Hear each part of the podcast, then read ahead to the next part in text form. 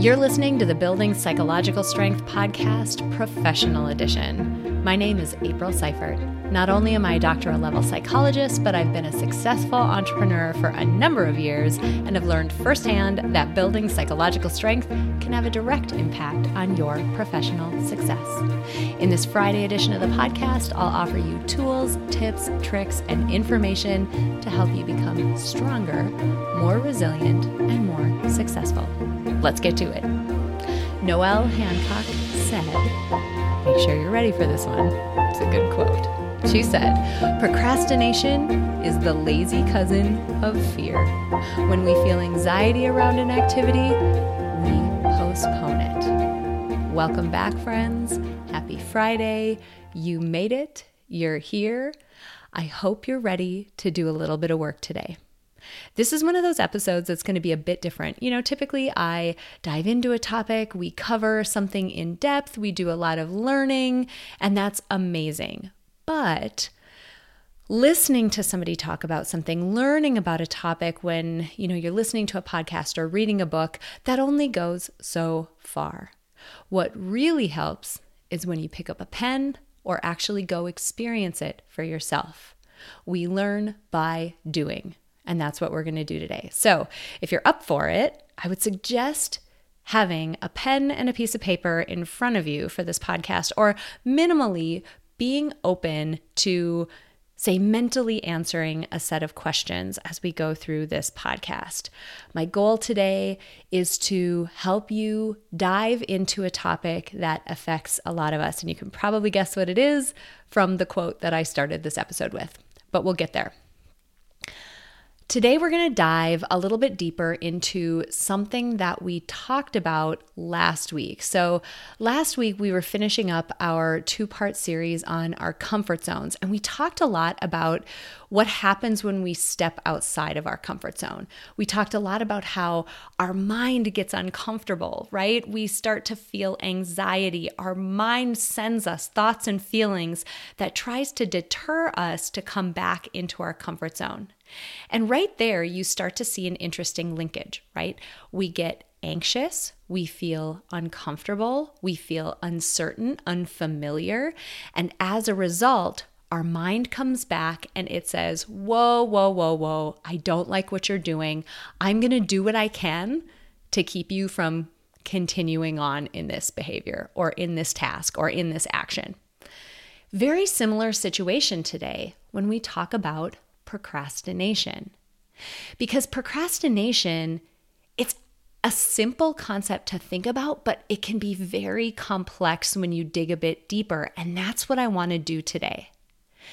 Many times, not always, but many times, procrastination is deeply rooted in fear and anxiety. Now, before you discount that, you might be thinking, okay, no, no, no. I'm I'm I'm just a procrastinator. This doesn't have anything to do with me. This episode is not for me. I'm not going to get anything out of it. Before you discount it for yourself, just listen to the rest of this episode. It's going to be a relatively short one. I want you to listen to it because again, this is one of those relatively simple topics, procrastination in this case, that becomes very multifaceted. There are layers underneath it for many of us that if you don't, quote, do the work, if you don't peel back those layers for yourself, it can be very easy to only see it as the surface level issue that it is.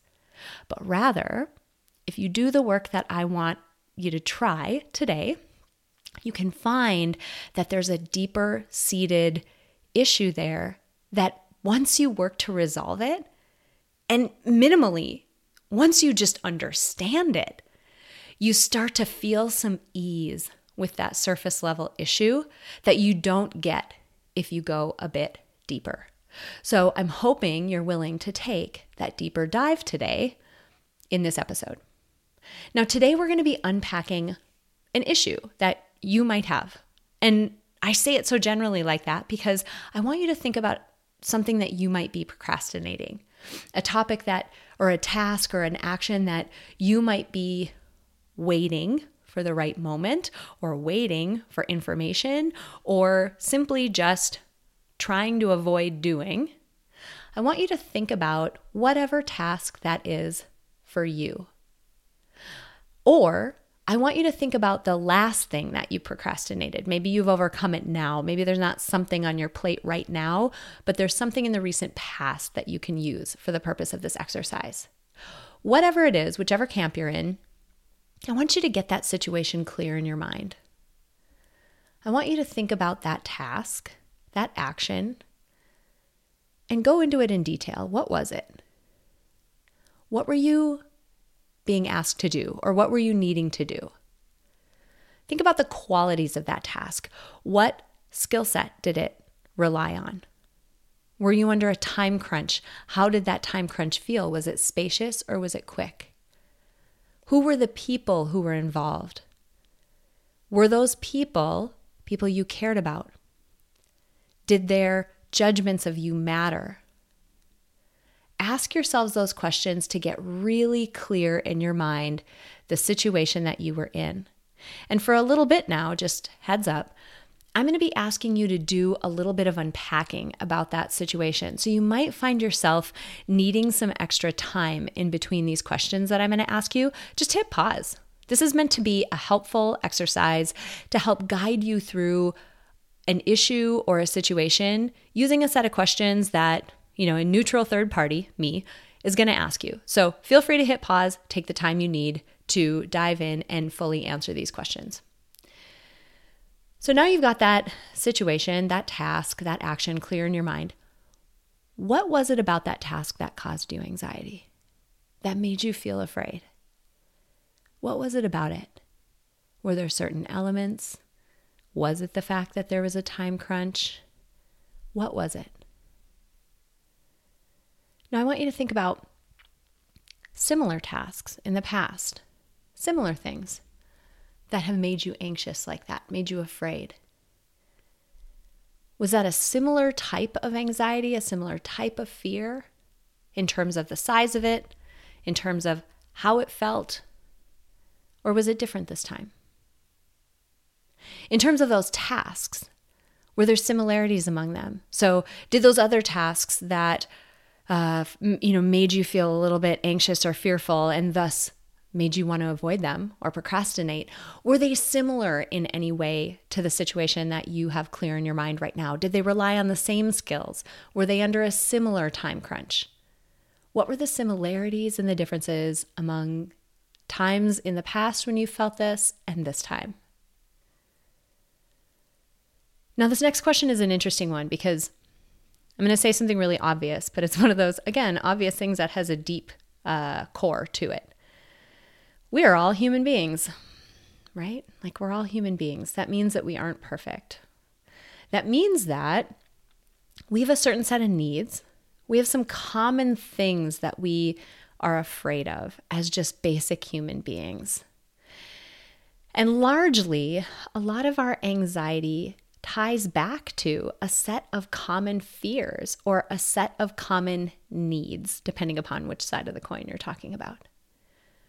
So, as you think about this situation that you're procrastinating, this task or behavior that you are worried about getting started on or making progress on, ask yourself whether your anxiety is rooted in any of the following.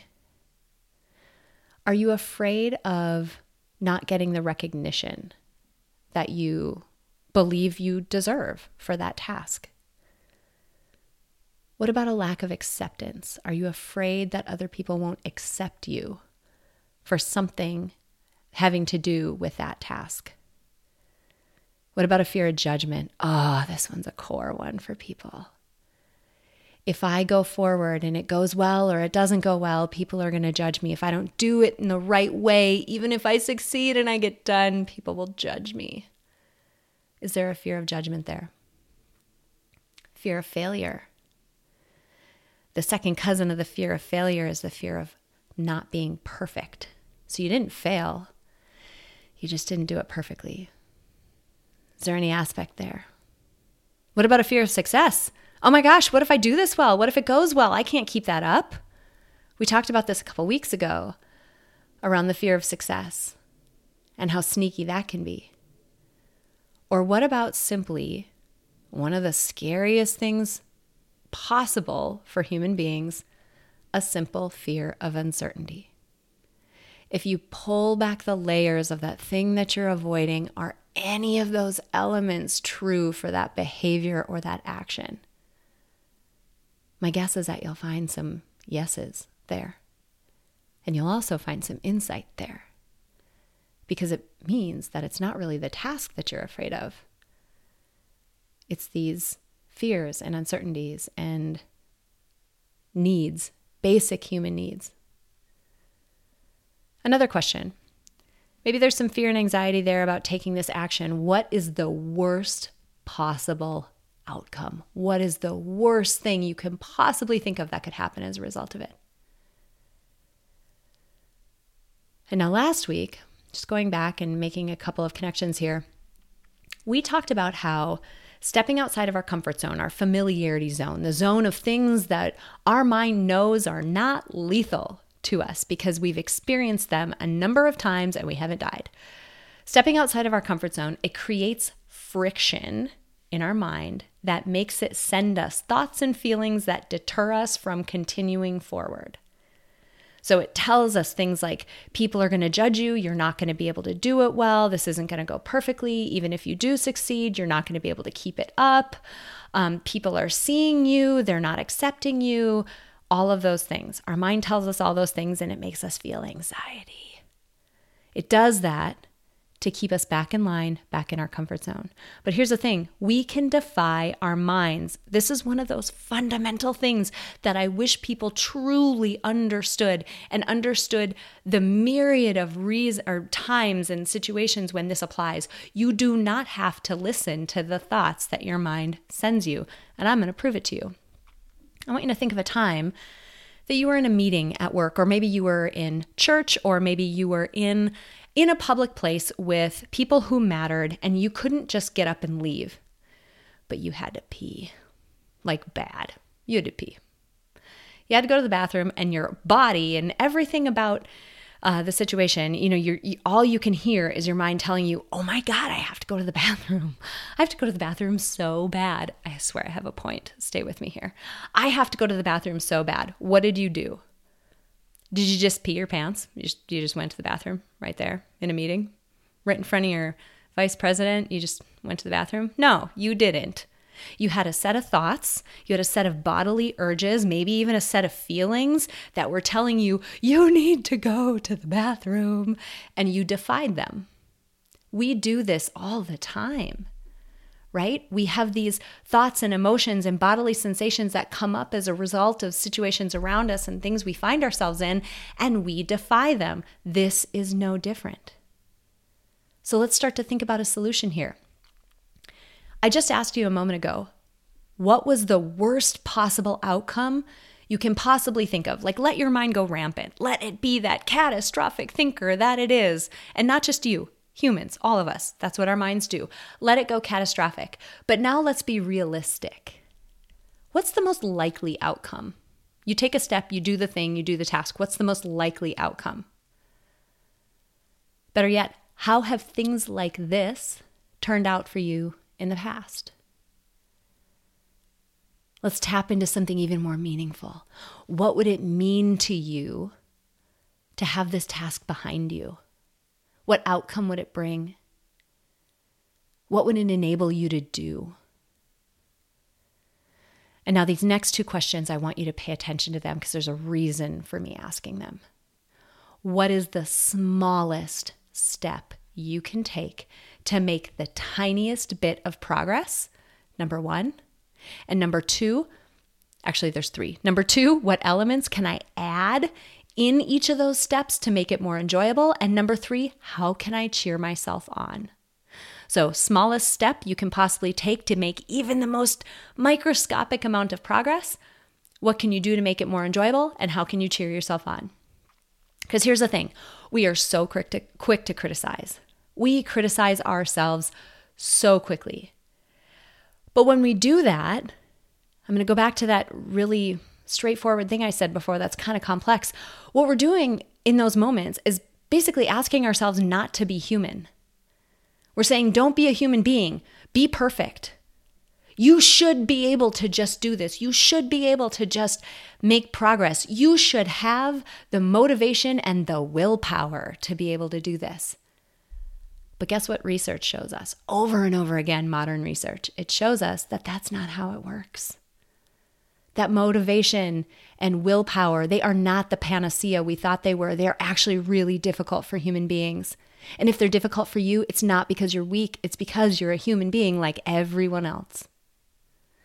But here's what we do know if you can take tiny steps, make it favor make it favorable, enjoyable, and cheer yourself on, it's not motivation you're seeking, it's momentum.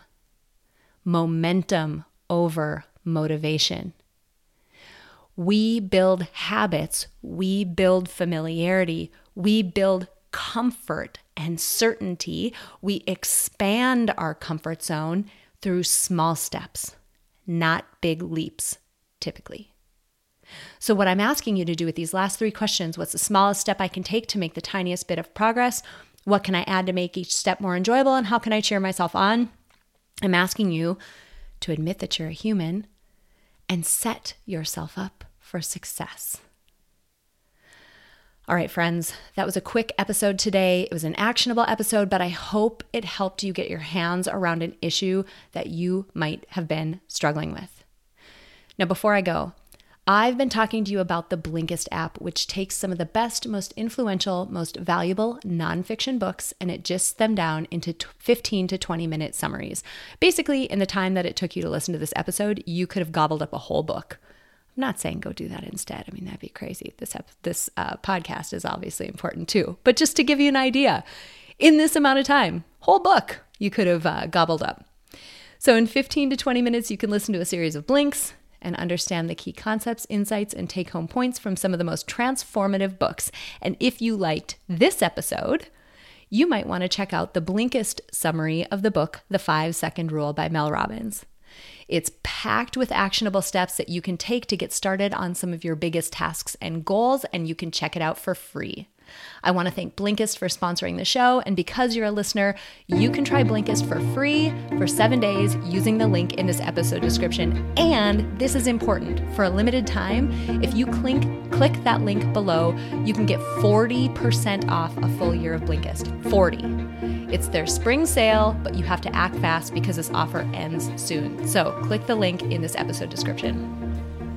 Thank you so much for joining me for this professional edition of the Building Psych Strength podcast. If you are an entrepreneur or a professional, current or aspiring, and you're interested in becoming more successful, hit the subscribe button. And until next week, be strong, be resilient, and be successful. At Parker, our purpose is simple. We want to make the world a better place by working more efficiently by using more sustainable practices, by developing better technologies, we keep moving forward. With each new idea, innovation, and partnership, we're one step closer to fulfilling our purpose every single day. To find out more, visit parker.com/purpose. Parker, engineering your success.